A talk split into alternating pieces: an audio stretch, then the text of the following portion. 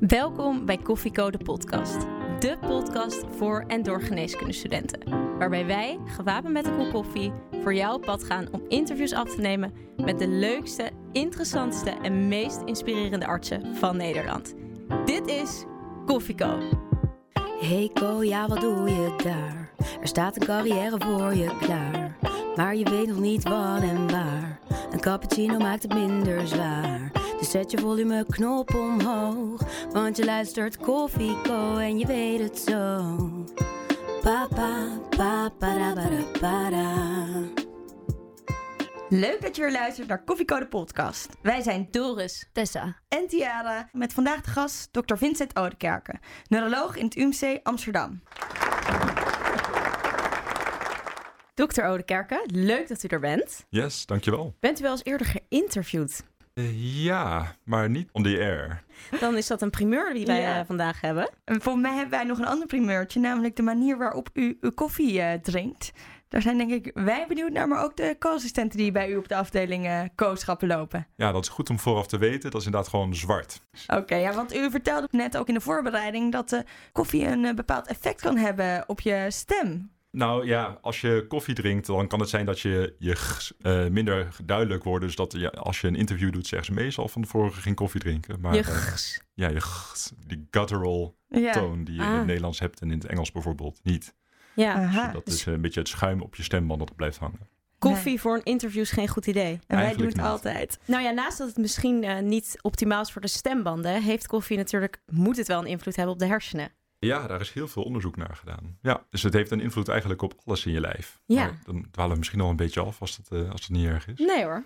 Tja, wat kan je over koffie allemaal zeggen? Het, is, eh, het houdt je ietsje wakkerder, hè, want er zit cafeïne in en dat maakt je alerter. Eh, als je te veel koffie drinkt, word je daardoor ook een beetje oversympathisch. Dus trillerig, rillerig, angstig, zweterig en alsof iemand achter je aan zit. Zeg maar de fight-and-flight reactie. Maar het is vooral ook heel goed voor je. Als je een paar koppen koffie per dag drinkt, heb je op lange termijn een, wat is het, 8 tot 15 procent lagere kans op mortaliteit. Echt? Dus het 50, ja, dat is een tijdje Zo. geleden in de Nature Neurologisch eh, gerelateerde mortaliteit? Of? Nee, nee, vooral cardiovasculair. Oké, nou dan winnen wij wel wat jaartjes erbij door deze podcast. denk het ook.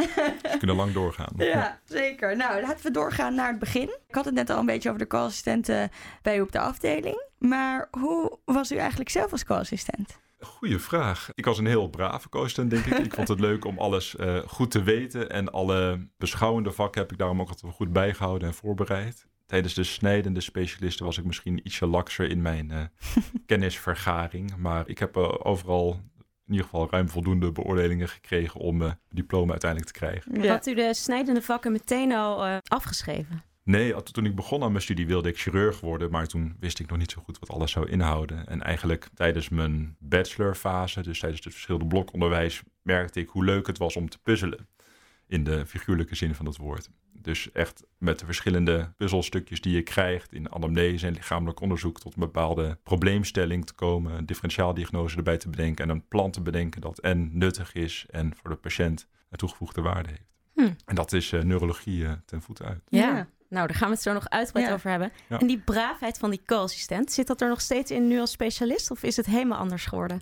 Nou, ik weet niet of, of het echt braafheid was, maar ik wilde mijn zaakjes goed op orde hebben. En dat heb ik nog steeds, denk ik. Eigenlijk klinkt dat best wel als de ideale co-assistent. Ja, goede omschrijving, denk ik. nou, mooi. Je bent uiteindelijk ook neuroloog geworden. Eh, kun je kort uitleggen wat de neurologie inhoudt? ja, de neurologie is eigenlijk het ziekenhuisspecialisme dat zich bezighoudt met ziekten van de hersenen, het ruggenmerg, de zenuwen en de spieren. Wat ook altijd heel belangrijk is voor onze luisteraars, is dat dat specialisme echt even verkocht wordt. En dat doen we altijd in de specialistenpitch. De specialistenpitch. 30 seconden waarin jij de geneeskundestudenten ervan overtuigt om voor jouw specialisme te kiezen. De neurologie is by far het leukste vak, omdat het de ideale combinatie is van dingen uitzoeken, dingen doen, eh, beschouwend op de poli werken en actie op de eerste hulp hebben. En daarnaast, als je wat ouder bent, nog een goed leven te hebben waar je niet elke nacht in huis hoeft te komen. Dat in combinatie met het feit dat je weinig aanvullend onderzoek hoeft te doen om de goede diagnose te stellen en in de spreekkamer al heel veel kan zien en betekenen voor de patiënt, maakt dat voor mij de enige juiste keuze. Binnen de tijd? Die was meer dan binnen de tijd. En Precies op de 30 seconden gemikt, denk ik. Was het geoefend of niet? Nee, nee, eigenlijk niet. Wow, nee, en ik vond het ook wel echt leuk. Dat u zei van in de spreekkamer kan je eigenlijk al heel veel eh, zien en eigenlijk al snel een diagnose stellen. En dat is iets wat wij tijdens ons kooschap ook tegen zijn gekomen, is dat je kan heel veel testjes doen en je kan meteen al met een soort van differentiaaldiagnose naar de specialist toe lopen. Dus dat is wel echt heel erg herkenbaar. Ja, het is de internist, maar dan zonder het laboratoriumonderzoek. Ja. Eigenlijk wel, ja. Nou, Ongeveer. Ik ben nog wel benieuwd, want u zei van de neurologie ten voeten uit, puzzeltjes oplossen, dat bent u.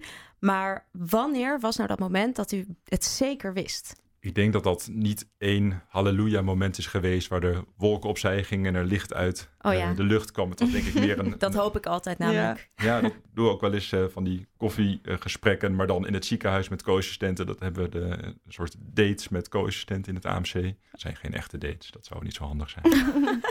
en daar leg ik ook altijd uit, je moet niet wachten op een halleluja-moment. Het is iets dat ja, deels op je pad komt en deels bij je interessepatroon past. Dus je moet niet denken dat er op een gegeven moment een, een doorslagmoment komt van dit is het. Het is een cumulatie van, denk ik, verschillende ervaringen met een vak en met een levensstijl. Nou, dat is goed om te weten. ja, dus ik ga niet meer wachten op dat halleluja moment. En het feit dat aanvullend onderzoek dus een kleine rol speelt bij de neurologie, is dat iets positiefs? Of ja, leuks? nee. Nou, ik denk dat het heel leuk is, omdat heel veel mensen ze hebben de neiging steeds om op aanvullend onderzoek te vertrouwen om een diagnose te stellen. En dat is zeker in de neurologie, maar in meerdere vakgebieden denk ik een verkeerde trend. Omdat als je eigenlijk je belangrijkste wapen is gewoon vragen stellen. En de rest is voor mij alleen maar hypothese bevestigend. Dus ik zeg ook altijd, al die neurologische testjes zijn niet heel relevant als je niet eerst voordat je begint aan neurologisch onderzoek bedenkt, wat wil ik eigenlijk zien bij deze patiënt? Die belangrijkste wapen voor een diagnose, en dat geldt voor elke dokter, is denk ik gewoon praten met iemand. En dat is een stap die vaak te snel wordt afgerond om naar lichamelijk of aanvullend onderzoek te gaan. Maar je hebt toch altijd best wel weinig tijd met een patiënt? Ja. Ja, ik niet. Nee? Nee, Ik heb ongeveer een uur voor een nieuwe patiënt. Oh Een ja? uur? Ja. Oh ja, dat had ik trouwens zelf ook bij mijn kooschappen. Dat was wel lekker. Ja, dat, dat is Ja. genoeg om eh, te praten, En te is dat- onderzoeken. Is dat dan omdat jullie dan vaak een eh, second of third opinion zijn dat je dan zo lang hebt? Ja, dus dat zijn wel allemaal eh, tweede meningen met neurodegeneratieve ziekten die ik dan doe voor die, dat uur, spreekuur. En Ja. inderdaad, de wat simpelere dingen zie ik wat minder. En daar heb je inderdaad ook vaak wat korter voor nodig. En heb je dan echt dat uur nodig? Of denk, denkt u meestal van, oh, binnen vijf minuten, ik weet het? Nou, dat zijn twee verschillende vragen. Oh, als je iets binnen vijf minuten weet, betekent niet dat je geen uur nodig hebt voor een goed consult. Het is niet het doel dat ik naar huis ga en denk, zo, ik wist bij alle patiënten vandaag wat er aan de hand was. het is de bedoeling dat iemand naar huis gaat en dat hij denkt, ik ben goed voorgelicht, ik ben goed gehoord. En ik weet wat er nu met me gaat gebeuren of wat er aan de hand is. En dat is waar je dat uur voor nodig hebt. Vaak heb je binnen een aantal minuten al een idee van dit is de diagnose of hier gaat het naartoe. Maar ik denk dat voor die voorlichting en voor het contact opbouwen met de patiënt, daar heb je er tijd voor nodig. En dat is waar het misgaat als je denkt, hoppa, ik heb de diagnose, ja. volgende patiënt. Maar die klinische blik is als neuroloog dus heel belangrijk. Is dat iets waar u, als u terugkijkt op uw carrière, echt steeds beter in bent geworden?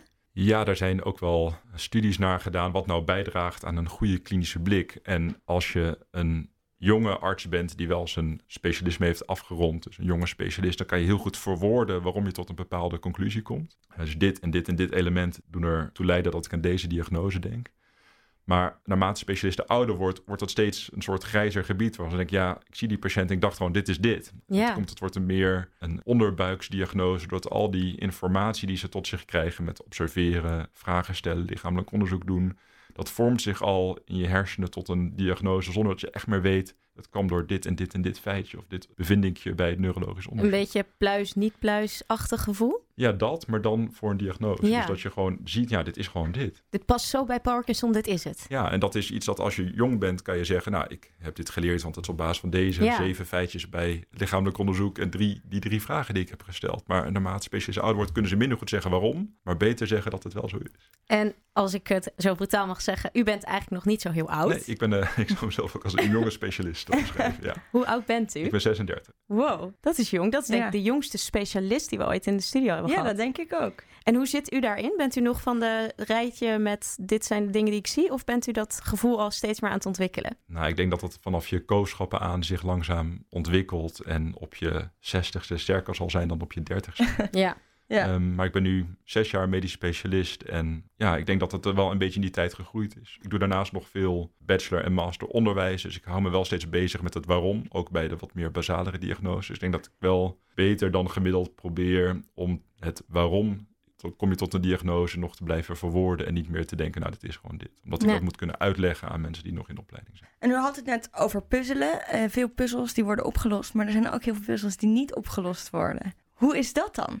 Vooral bij een tweede of derde mening. Ja, wanneer is een puzzel opgelost? Dat is natuurlijk best wel een ingewikkelde vraag. De klacht van een patiënt is vaak heel duidelijk, hè, waar ze last van hebben. Je weet al vrij snel of je denkt dat dit uiteindelijk tot een diagnose gaat komen die je zou kunnen zien in een syndroom of die je op een scan kan zien of DNA-diagnostiek. En dan zeg je, nou, dat is echt een diagnose. Ik heb dat en dat gendefect vastgesteld. Maar als je een syndroom kan vaststellen, hè, dus als je geen bevestiging hebt op aanvullend onderzoek, maar gewoon ziet het is symptoom A, B plus C plus dit tijdsverloop, dus syndroom X, dan kan je mensen er ook al eh, over voorlichten. Van wat gaat er komen? Kunnen we er wel wat aan doen? Kunnen we er niet aan wat aan doen? Dus ik denk dat eh, of het laatste puzzelstukje valt, niet altijd even relevant is. Als je maar kan eh, schetsen wat het voor de patiënt gaat betekenen en wat je wel en niet kan doen. Oké, en heeft u daar een concreet voorbeeld van? Ehm, nou, iets waar ik relatief veel tweede meningen in zie, zijn functionele stoornissen. Ja. Eh, dus eh, wat vroeger ook, eh, nou, door de tijd heeft het vele namen gehad. Het begon ooit met Freud's conversie. Hè? Dus dat het een psychisch probleem was dat zich converteerde naar een lichamelijk symptoom. Hij heeft hysterie gege- geheten, omdat mensen dachten dat komt doordat je, dat je, je baarmoeder je in de weg zit en die moet eruit. Daar hebben ze ook hysterectomieën voor gedaan. Hm. Bleek allemaal niet te kloppen. Het is veranderd naar functionele stoornissen, omdat dat ja, een naam is die minder mensen beledigt. Maar in principe wordt hetzelfde ziektebeeld ermee bedoeld. En omdat het niet te bevatten is in een aanvullend onderzoek, vinden dokters het moeilijk om de diagnose te stellen. Het is niet Ja. eh, die bloedwaarde die afwijkend is, maar het is vaak wel een heel herkenbare combinatie aan tijdsverloop en symptomen die als functionele stoornis herkend kan worden. Ik denk echt dat het een ziekteentiteit is die bestaat. Het is gewoon een bepaalde, ja, je hebt, als, je, als je zegt decompensatio cordis, zegt iedereen dat is decompensatie van het hart. Kan je zien je, je output en je forward failure, noem maar op, heb je allemaal waarden voor, ejectiefractie, decompensatio cordis. Op het moment dat er een decompensatie is aan nou, input van allerlei bronnen in combinatie met misschien ziek zijn en slechte koping en dat leidt tot neurologische symptomen, decompensatio cerebri kunnen noemen, Mm. ja, of functionele stoornis, dat is eigenlijk een beetje hetzelfde pathofysiologisch denken. Dan denken mensen, ja, dat is geen echte ziekte, Mm. want dat is psychisch, dat zit tussen mijn oren. Maar dat is precies waar je hersenen zitten. Mooi verwoord, ja. Ah. En als neuroloog moet u dat dus, of nou ja, als neuroloog in het AMC moet u dat best wel vaak tegen patiënten zeggen dat ze een functionele stoornis hebben. Ja. Ik heb bij mijn co-schap neurologie wel eens afgekeken bij de verschillende neurologen hoe ze Ja, ik dat ook. nou verwoorden. Hoe legt u het nou uit aan de patiënt? Verschilt per patiënt. Dus Oké. probeer het een beetje aan te passen aan het opleidingsniveau en aan de achtergrond. Dus iemand die in de IT werkt, kan je het hardware-software verhaal gebruiken. Ja. Van, op de scan zie je al, de hardware is goed, de banen lopen er gewoon goed, maar toch komt het signaal niet goed aan. Dat is een veelgebruikte metafoor. Ja, Er zijn stripjes over gemaakt hoe je zo'n diagnosegesprek doet. En dat eh, ja, is per, per persoon doe ik dat net even iets anders. ja. Naast de functionele stoornissen is de neurologie natuurlijk nog veel meer. Ja. Wat zijn nou patiënten die typisch in een week die u ziet op uw poli? Ja, ik heb dus wel een beetje een gekke podium dat ik voor de helft algemene neurologie doe. En dat is dan vooral supervisie van dokters in opleiding, dus AIOS en ANIOS en eh, co-assistenten. En eh, de andere helft doe ik bewegingsstoornissen, dus alles wat te veel of te weinig beweegt. En het gros daarvan is te weinig, dus Parkinson of Parkinson-achtige ziektes. En het andere deel wat te veel beweegt is vaak trillingen, dystonie, dus een verkeerde stand van een, eh, lichaamsdeel door een overmatig aanspannen van spieren. Of chorea, dus overmatige bewegingen. Nou, dat klinkt leuk, Ja. veelzijdig. Is het ook? Ja, en als u dan eh, rondkijkt bij u op de afdeling, kijkt naar de verschillende neurologen om u heen, Mhm. is er dan een stereotyp neuroloog? Dat is Eerlijk. Een gewetensvraag. Jullie beginnen al te lachen. Ehm, neurologen zijn heel precies. Eh, En dat heeft deels te maken dat een precieze formulering leidt tot een makkelijker navolgbare DD. Dus als ik een probleemstelling heel accuraat formuleer, kan iemand anders die dat later terugleest heel goed beredeneren waarom ik voor bepaalde diagnoses heb gekozen in mijn overwegingen. Mijn, eh, mijn opleider zei altijd, vaag taalgebruik is een uiting van vaag denken. Dus als je, iets, als je Wauw. iets op een goede manier kan zeggen, dan betekent ook dat je het in je hoofd snapt en dat je de, de redenering naar deze conclusie kan- hebt kunnen maken. En dat is denk ik het allerleukste van de neurologie, dat je dat echt stapsgewijs kan doen. En dat kan je mensen ook aanleren hoe je dat doet. Ehm, dus het zijn mensen die graag dingen goed formuleren en goed een hekje om hun werk hebben heen gezet van hoe doe ik dit en waar stel ik mijn grenzen. Het zijn denkers, ze stellen graag diagnose, maar het zijn ook steeds meer doeners aan het worden. Vroeger was het echt van nou, neuro, Je stelt de diagnose, gaat naar huis en wacht maar tot uh, de revalidatiearts je oproept. En dat is echt niet meer zo. Waarom is dat niet meer zo? Wie ziet denk je de meeste mensen op de spoedeisende hulp na de spoedeisende hulparts? Dat is de retorische Ja. uh, de neuroloog? Ja, dus wij, sinds kort zijn wij het grootste specialisme op de spoedeisende hulp door alle traumatologie, uh, acute hersenhulpzorg, ja. epileptische insulten, neuroinfecties. Dus het is een heel vak waar je in de acute fase heel veel dingen kan doen en heel veel echt curatieve behandelingen hebt. Dat is anders dan 30 jaar geleden. Dus naast die nauwkeurige kant moet iemand ook wel een beetje dat acute leuk vinden. Als ja, het zo dat hoor. is zeg maar een beetje nieuw. Als je dat Ja. 30 jaar geleden aan me had gevraagd, nou, dan was ik niet heel oud geweest, dus had ik het antwoord niet geweten. maar stel, ik had 30 jaar geleden gewerkt, dan had ik gezegd, nou, het is gewoon beschouwend en je moet de diagnose stellen en mensen begeleiden, maar dat is echt niet meer zo. Bent u van nature stressbestendig? Dat denk ik wel. Is dat dus, als we zo kijken, dan moet eigenlijk een neuroloog nauwkeurig zijn, stressbestendig. Als je daar nog iets aan toe zou moeten voegen, waar zou je dan aan denken? Nou, je moet het leuk vinden om te praten met mensen. Want ik denk dat echt het praten met mensen het meeste eh, waardevolle diagnosticum is. Dus de anamnese. En als je dat niet leuk vindt of je bent liever bezig met je handen, dan is neuroloog nog steeds niet het leukste vak om te doen. Oké, duidelijk. Want eh, de praktische dingen van het vak, jullie doen volgens mij lumbaalpuncties, dat is praktisch. Zijn er nog andere dingen waar je echt je handen voor nodig hebt? Ja, neurologisch onderzoek. dat is waar. Nee, Ja. eh, maar, maar wat je aan eh, echt interventies doet, is inderdaad lumbaalpuncties, het toedienen van eh, chemotherapeutica, intertricaal, corticosteroïdinjecties voor bepaalde aandoeningen zoals carpal tunnelsyndroom, eh, clusterhoofdpijn. Ik doe nog dan relatief in een niche veel met diepe hersenstimulatie, waarvoor je dingen moet aanpassen in de stimulatie. Botuline-injecties bij dystonie of speekselvloed. Dus er zijn wel dingen die wij doen. Het is alleen niet een snijdend vak. Als je het leuk vindt om praktisch bezig te zijn, dan kan je dat wel ook in de neurologie vinden. Ja, alleen het bijzonder neurochirurgie is zeg maar de chirurgische kant van de neurologie het enige specialisme dat nog de neurologie voor zich heeft. Dus het is eigenlijk per definitie een tertiaire verwijzing. Dus wij doen ook al de diagnostiek voor de neurochirurgen. Dus als je echt houdt van neuro plus je handen bezig zijn, kan je beter neurochirurg worden. Ja. Heeft u daar ooit over getwijfeld? Nee. Nooit.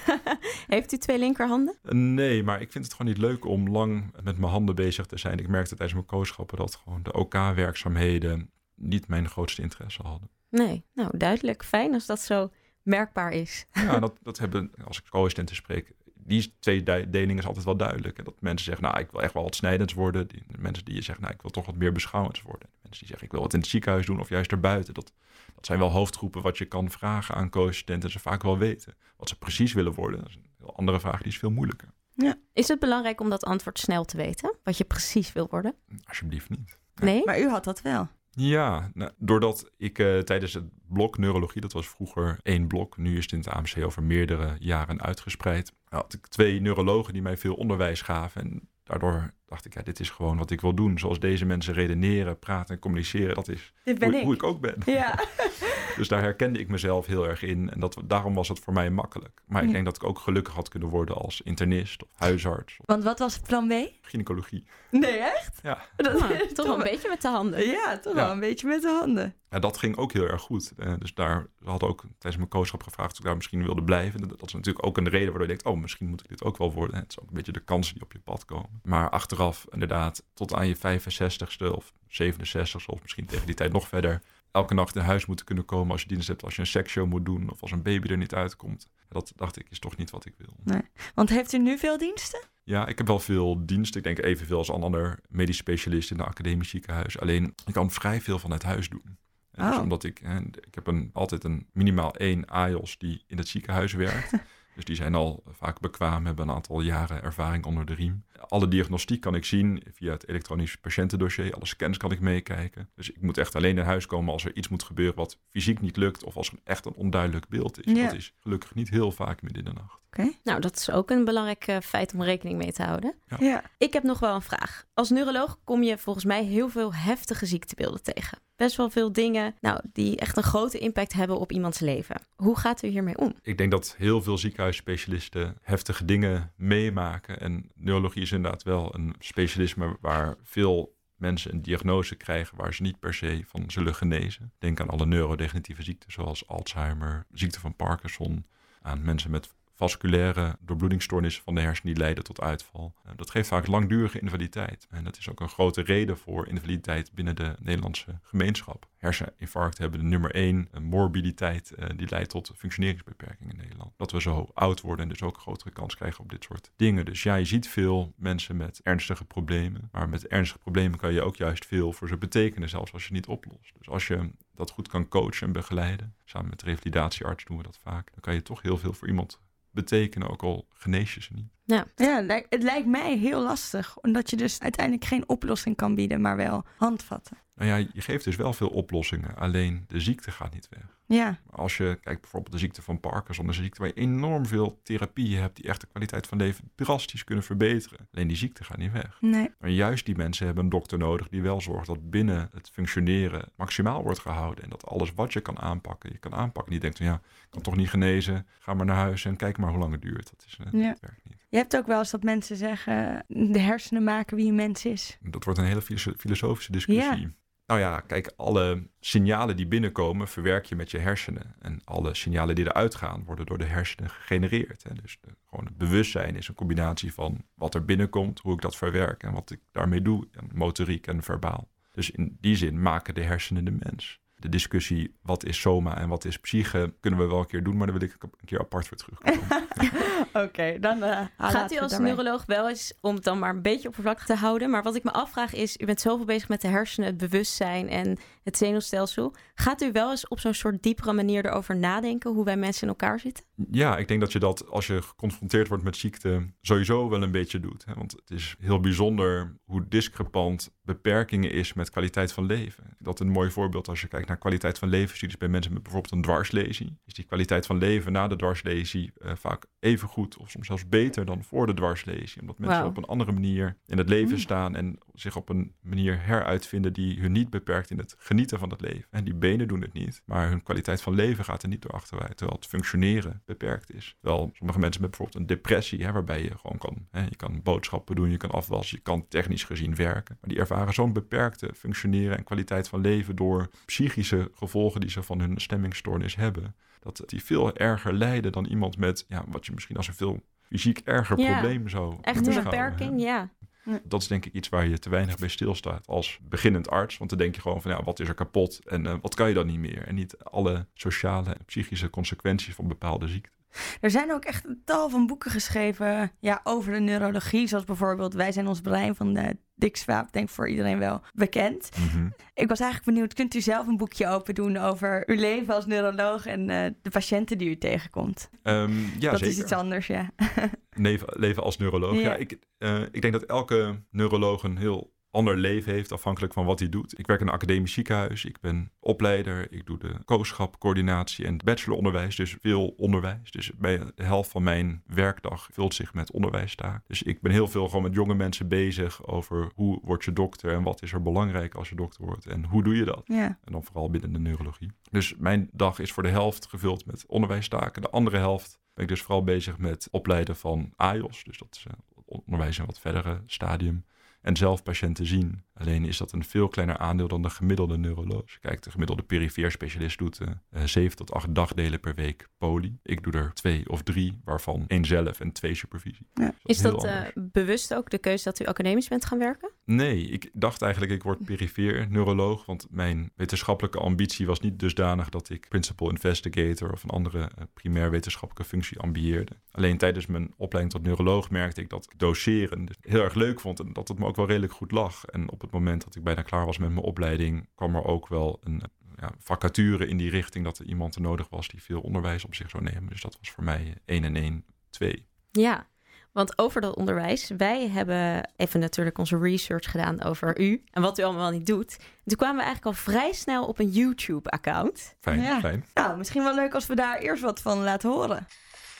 Hallo, ik ben Vincent Oudekerken, neuroloog in het Amsterdam UMC. En vandaag neem ik een video met jullie door over de oogbewegingen. En met name over de centrale aansturing van oogbewegingen. Zo, een korte intro. Ik laat u verder praten. Moet ik de video afmaken?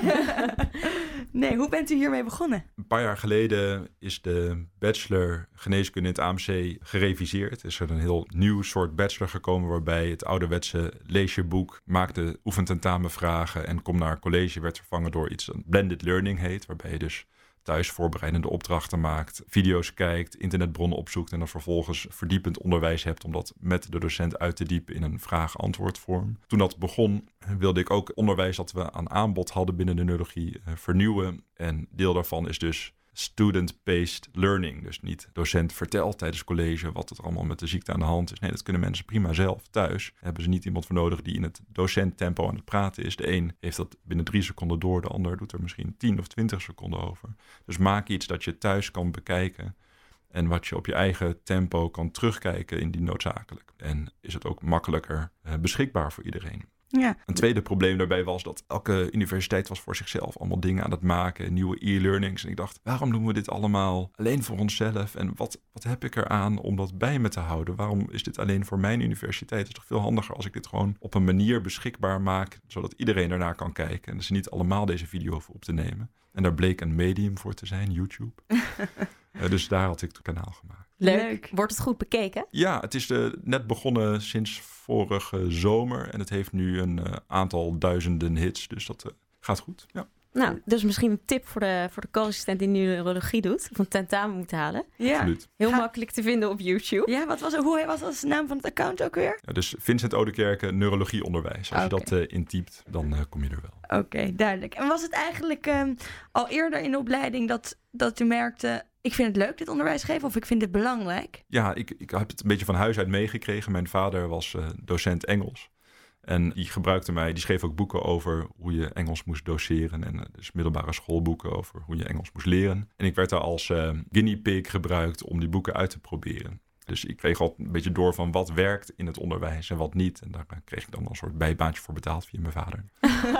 Ehm, dus daardoor kon ik al een beetje kijken wat zijn de didactische elementen die hij inzet. Alleen dacht ik er toen natuurlijk nog zo niet over. En later terugkijkend heb ik daar wel veel aan gehad. Omdat ik dacht, ja, het is gewoon leuk om te denken hoe kan je iets helder overbrengen. En wat, wat maakt dat de ene docent inspirerend werkt, terwijl de ander denkt, wanneer is dit college afgelopen? En als je dat een beetje kan meenemen, dan eh, kan je veel leuker mensen A, inspireren. En B, de boodschap die je wil laten landen, laten landen. Nou, lijkt Ja. me goed.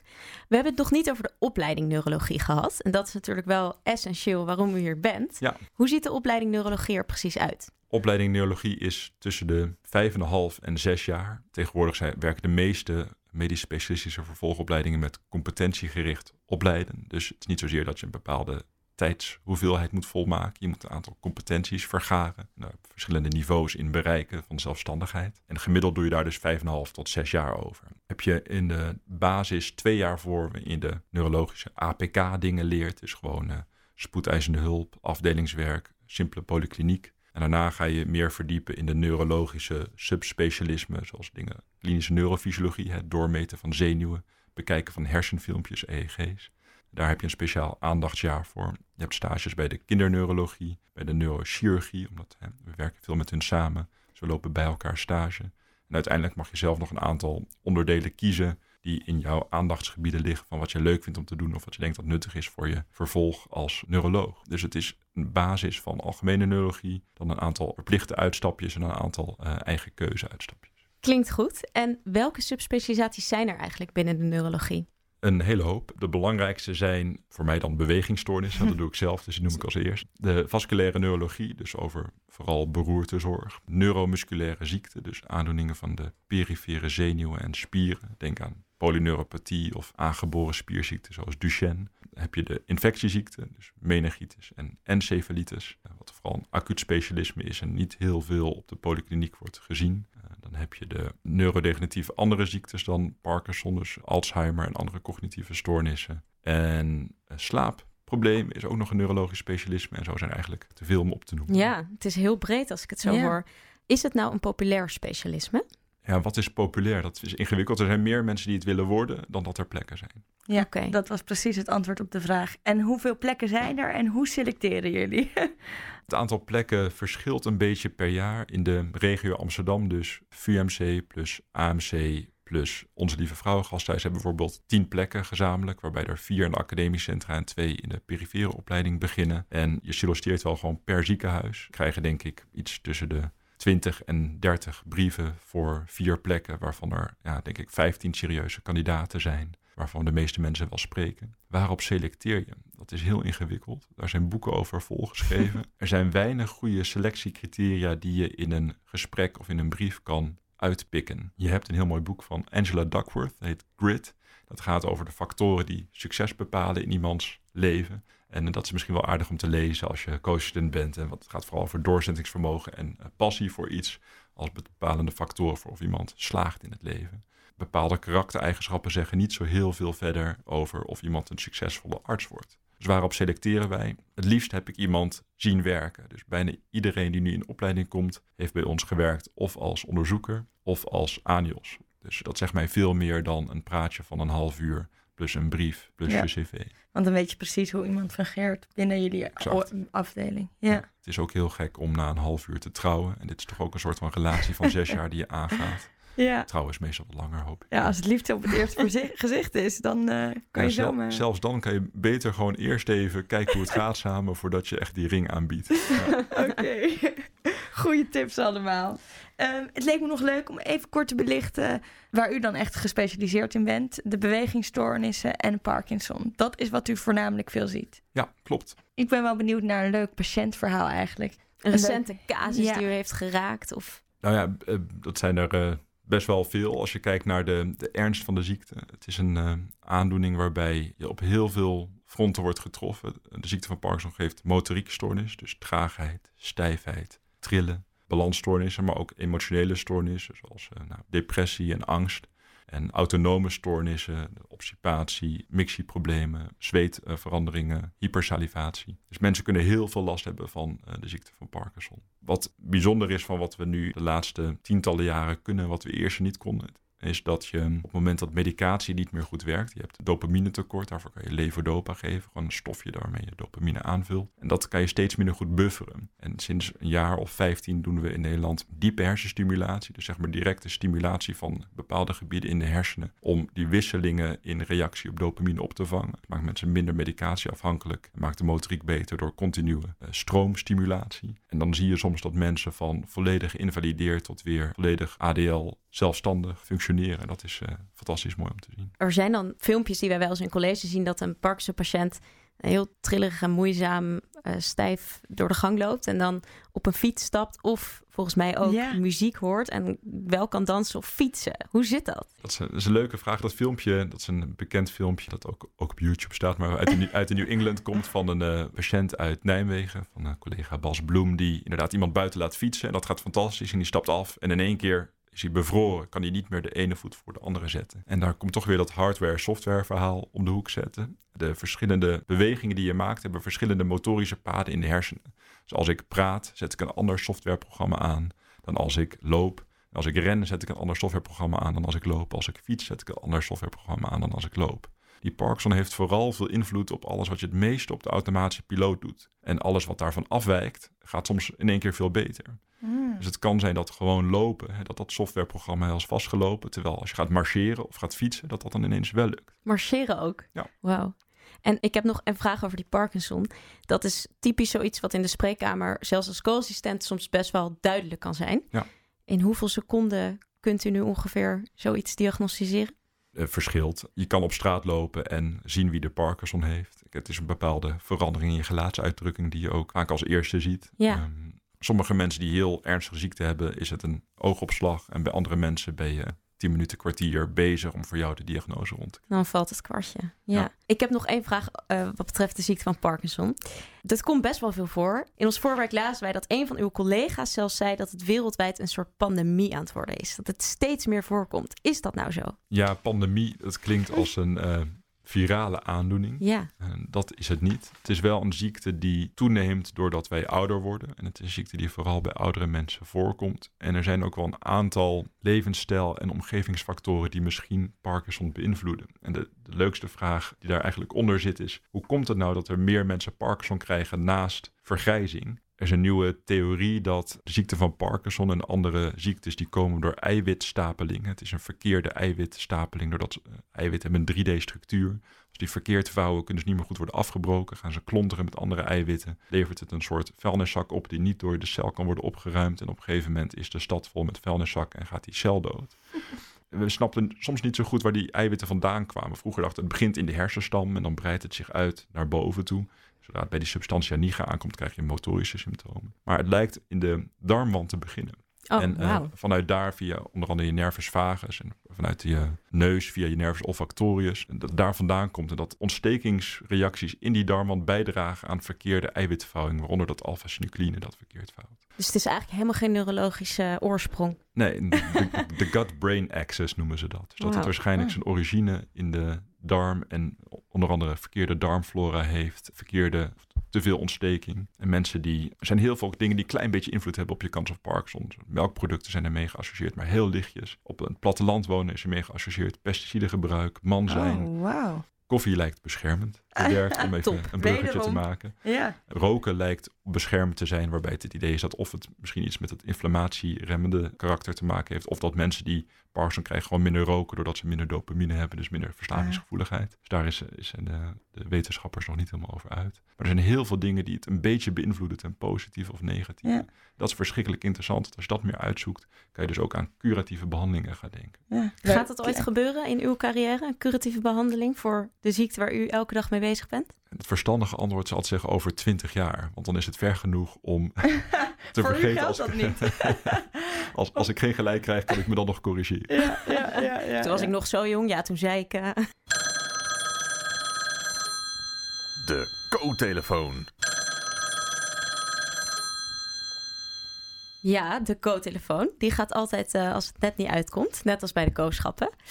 En deze keer komt de vraag ingestuurd via onze Instagram trouwens. Dat kan iedereen blijven doen. Vinden we superleuk. Deze keer heeft Maaike laagstreepje Nijhoff heeft u een vraag gesteld. Namelijk, wat gaat er veranderen aan het vak met de komst van de artificial intelligence? Bent u daarop voorbereid op zo'n eh, moeilijke vraag? Ja en nee. Ik, weet niet of ik kan overzien wat er allemaal verandert. Maar als je ziet wat er de afgelopen tijd vooral aan nieuwe ontwikkelingen komt op technologisch gebied, inclusief AI, artificial intelligence, is dat we steeds meer kunnen zien aan de hersenen met bepaalde scantechnieken die op meer varen dan alleen beeldvorming. Dus die berekeningen doen aan bepaalde scans. Zo heb je in de eh, neurologie een nieuwe scanontwikkeling, heet CT-perfusie, waarbij je kan zien hoe de hersenen worden doorbloed.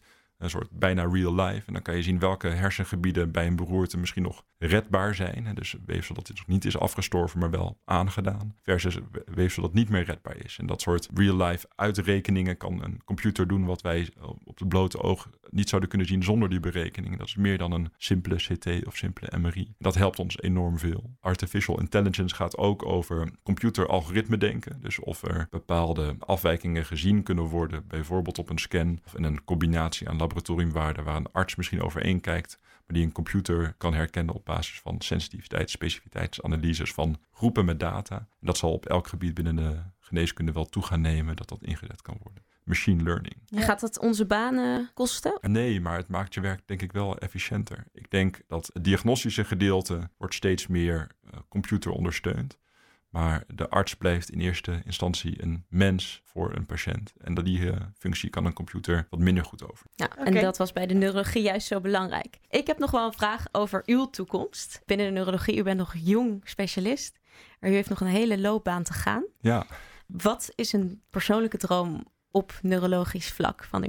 nou dat klinkt heel stom, maar uh, een aantal dingen die ik heel graag de afgelopen twintig jaar denk ik had gewild, heb ik een aantal nu van bereikt. Ik wilde heel graag dus iets met opleiding doen. En dat doe ik dus nu voor de bachelor, de master en de medisch specialistische vervolgopleiding. Dat zijn dingen die ik vrij kort nog doe en met heel veel plezier doe. Voor de middelkorte termijn zou ik het liefst zoveel mogelijk even pas op de plaats maken en, en doen wat ik nu doe nog beter doen. Dus in plaats van meer dingen erbij, de dingen die ik nu doe goed doen en beter doorontwikkelen. Nog beter worden. En is er iets specifiek waar u nu vindt dat u nog kan groeien als neuroloog?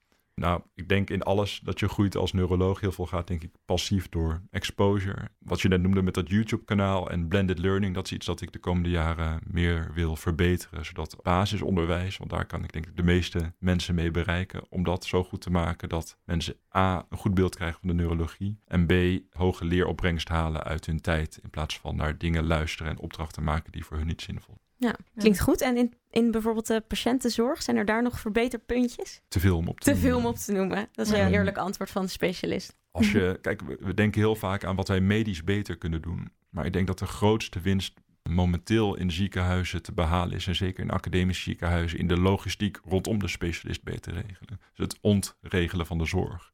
Zodat mensen tijd krijgen van hun dokter die ze verdienen. In plaats van de dokter denkt snel mijn spreekkamer uit, want ik moet mijn DBC nog invullen. Ik moet mijn kwaliteitsregistratie nog doen, mijn brief nog maken, en mijn allergieën nog aanvinken. Dus om te zorgen dat de logistiek rondom de zorg zo geregeld is dat de patiënt optimale zorg en aandacht krijgt van zijn behandelaar. En dat er geen overbodige verslaglegging of kwaliteitsregistratie worden gedaan die niet per se bijdragen aan betere zorg. Klinkt altijd heel prettig om checklists in te vullen van dit is allemaal gedaan. Maar je moet altijd kritisch blijven nadenken, wat levert dit op? Want het kan ook uiteindelijk tot verslechtering van de zorg leiden. Als het een tijdsconsumerende bezigheid. Duidelijk. Maar ik ben eigenlijk ook wel benieuwd, niet alleen naar eh, de neuroloog zelf, maar ook een beetje de persoonlijkheid erachter. Ja, U bent constant bezig met de hersenen en de zenuwen. Bent u zelf wel zenuwachtig? ja, maar niet zo heel vaak. Nee? Wanneer wel? Ik eh, moest vorige week een praatje geven voor eh, Internationaal Neurochirurgie Congres over alfa-synucleïne. dus ik moest voor chirurgen gaan praten over iets dat niks met snijden te maken had. En een van de mensen die na mij moest praten was degene die ik als eerste ontmoette in 2003, toen ik net student was en een stage in Londen liep. En dat is een grootheid binnen de neurochirurgie en daar mocht ik stage lopen. En nu had ik een praatje vlak voor hem.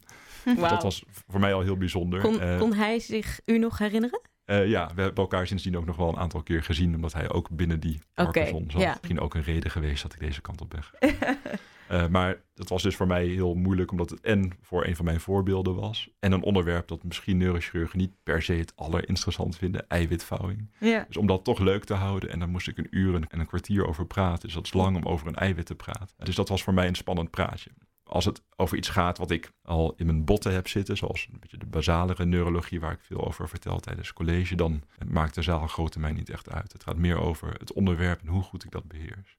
Oké, duidelijk. En zo te horen bent en blijft u wel druk. Eh, heeft u nog wel eens tijd voor andere dingen, zoals hobby's? Eh, niet, niet echt. ik maak dus, eh, ik vind het leuk om in mijn vrije tijd dus nog digitaal te tekenen, omdat ik ook de, sommige van de plaatjes voor bijvoorbeeld het boek Neurologie heb gemaakt, om dingen dus eh, digitaal te illustreren. Alle vrije tijd die ik heb gaat grotendeels in mijn vrouw en dochter zitten. Dat is een soort tweede baan, maar wel een hele leuke baan, maar qua tijdsbesteding. Dus als ik kan, ga ik het liefst gewoon met mijn, eh, mijn kind erop uit om mijn gezin te laten zien dat ik er naast die drukwerkende persoon ook nog voor hun ben en dat ik daar ook veel energie uit put. En dat lukt ook? Ja. Oké, dus er is hoop. goed. ja, er is hoop. Ja, dat is denk ik ook iets, een, een ontwikkeling. Vroeger was het altijd, je werkt en als het af is, is het af. En er komt steeds meer aandacht voor werk-privé-balans, ook onder jonge doktoren en eh, co-assistenten. En ik denk dat dat een hele goede ontwikkeling is. Eh, dat keiharde werken en eh, je hebt ervoor gekozen, dus je doet het maar, is denk ik niet meer van deze tijd. Nee, mee eens. Nou, dan denk ik dat het nu echt tijd is voor het doktersdilemma. Yes. En in het doktersdilemma mag u kiezen tussen twee antwoorden of keuzes. Het doktersdilemma. Het leven bestaat soms uit lastige keuzes. Denk niet te lang na en geef snel antwoord. Bachelorstudenten of co-assistenten? Bachelorstudenten, Wetenschappelijk artikel of een leerboek. leerboek, Hersenen of ruggenmerg? hersenen. Altijd veel te vroeg of altijd net iets te laat. Altijd veel te vroeg. Ja, dat hebben we gemerkt net. Alcohol of drugs voor de hersenen? het, is, het is hetzelfde. Oh, ja, dat is ook waar. Oogarts of psychiater? Ehm oogarts, Acetylcholine of glutamaat? acetylcholine, Goede wijn of goede muziek? Ehm goede muziek, Denker of doener? denker, Spreken in de collegezaal of spreken op een congres? collegezaal, Avond uit met vrienden of film kijken op de bank? film kijken op de bank. Dat was hem. Ik ben wel benieuwd, want u zei oogarts en geen psychiater. Terwijl de psychiater is de- bij uitstek de andere dokter van de hersenen. Toch? De retina is ook ectoderm. Je hebt ook Oh, gelijk, ja. Dat is wel heel correct, moet ik zeggen. Het is heel flauw, maar ik doe ook een beetje neuro-oftalmologie als hobby naast eh, neurologie, Oh. eh, bewegingsstoornissen. Dus daarom hoorde je mijn twijfel. Maar psychiatrie doet mij ook veel. Oké. Ja, ooit over getwijfeld? Niet als vak, maar het is een, de, de correlatie met neurologie is verschrikkelijk int- interessant. Ja. Dus de Hm. samenwerking met psychiaters, is dat er ook in uw vak? Absoluut. Oké. Nou, voordat we uw laatste tip willen weten, waren wij van tevoren nog wel benieuwd. Heeft u een favoriet gedeelte van de hersenen? Dat is echt Ja. een neurdenvraag. Het is Ja. echt een nerdevraag. Ja, de basale kernen. Ja, de basale kernen. Die Ja. hadden we in kunnen koppen. Ja. Nou, Goed. Oké, nou. We eindigen altijd met een laatste tip voor de co-assistenten. Ja, we hebben het hier over neurologie als keuze van een vak. Ik denk dat het heel belangrijk is om niet erna te denken van wat wil ik worden en welk specialisme, maar bij welke soort mensen voel ik me thuis en wat is qua uren iets dat ik wil werken. Want je wordt veel gelukkiger van een baan die qua levensstijl bij je past en qua reisafstand en collega's bij je past, dan dat de inhoud bij je past. Want dat laatste wordt echt wel leuker als je erin verdiept. hele duidelijke tip. Nou, dokter Odekerke, hartstikke bedankt dat u vandaag de gast wilde zijn bij Koffieco de podcast. Helemaal vanuit het AMC. Ja. En luisteraars, jullie ontzettend bedankt voor het luisteren. Ja, dankjewel voor het luisteren. En ehm, volg ons op Instagram. Laat een leuke review achter op onze kanalen zoals iTunes en Spotify. En jullie horen ons volgende keer.